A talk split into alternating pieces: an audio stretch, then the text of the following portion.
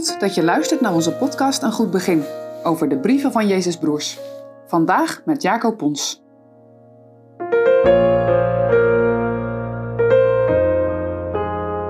Onzeker leven.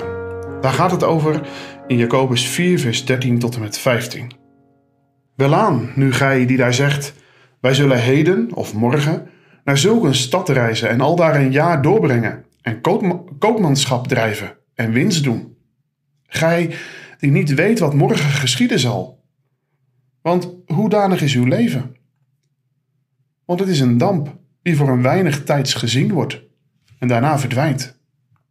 In plaats dat gij zou zeggen, indien de Heere wil en wij leven zullen, zo zullen wij dit of dat doen. Oh ja, nog iets. Jacobus komt richting het einde van zijn brief. En het is net alsof dat hij nog iets bedenkt. Hij wil nog iets zeggen. Hij vraagt nog ergens de aandacht voor.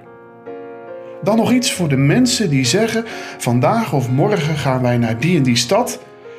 En daar blijven we een jaar. Dan gaan we handel drijven en geld verdienen. Nou, waarschuwt Jacobus. Je weet niet eens hoe je leven er morgen uitziet. Het liefst plannen wij onze toekomst tot in de details.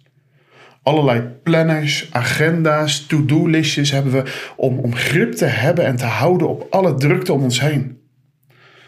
Op het voortgezet onderwijs moet je al keuzes maken die gevolgen hebben voor je toekomst. Welke vakken kies je? En wat voor profiel past bij mijn toekomstidealen? Ooit was er een slogan een slimme meid is op haar toekomst voorbereid. Ja, wij willen alles tot in de puntjes regelen. Je begint nog maar net met werken of je moet al nagaan denken over je pensioen.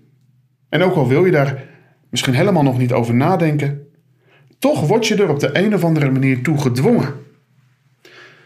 En vandaag zegt Jacobus dus: Ho, wacht even. Bij al die plannen, je kunt heel ver vooruit denken.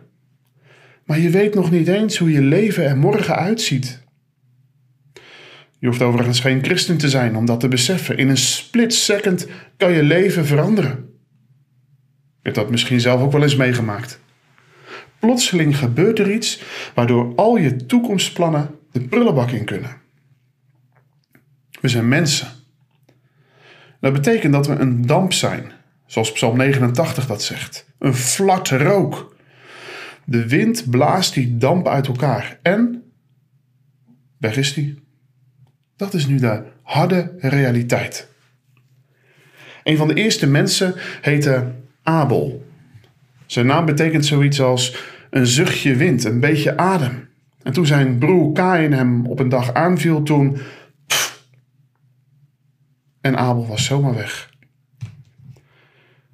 Het is een gevleugelde uitdrukking geworden onder christenen. Zo de Heere wil en wij leven, of in het Latijn Deo volente. Soms staat erbij de aankondiging van data onder het voorbehoud van Jacobus. Dat komt dus hier vandaan. Wij hebben niet alles in de hand. Zeker onze toekomst niet. Het is uiteindelijk een, een streep door onze parmantigheid en arrogantie. Ik ben niet degene die alles bepaalt. Jacobus drukt ons met de neus op de feiten. Daarom zou een stukje bescheidenheid ons ook wel passen. Je kent dat lied wel. Wat de toekomst brengen mogen. Geschreven door Jacqueline van der Waals. Ze kwam uit een goed nest. Haar vader was hoogleraar natuurkunde en hij won zelfs een Nobelprijs. Ze wist heel goed wat er te koop was in de wereld. En ze zat vol met plannen. Tot ze, toen ze net 50 was, ziek werd. Ongeneeslijk. Maagkanker. En op dat moment moest ze al haar toekomstplannen loslaten. Maar juist toen schreef ze dit bekende lied. Wat de toekomst brengen mogen. Mij geleidt des Heeren hand. Moedig sla ik dus de ogen naar het onbekende land. Leer mij volgen zonder vragen. Vader, Wat gij doet is goed. Leer mij slechts het heden dragen met een rustig, kalme moed. Een onzeker leven. Niemand weet wat er morgen gebeurt en toch leven in het besef van onze eindigheid. Leven in het vertrouwen op de Heer. Weet je, dat is helemaal geen onzeker leven. Dat geeft juist zekerheid.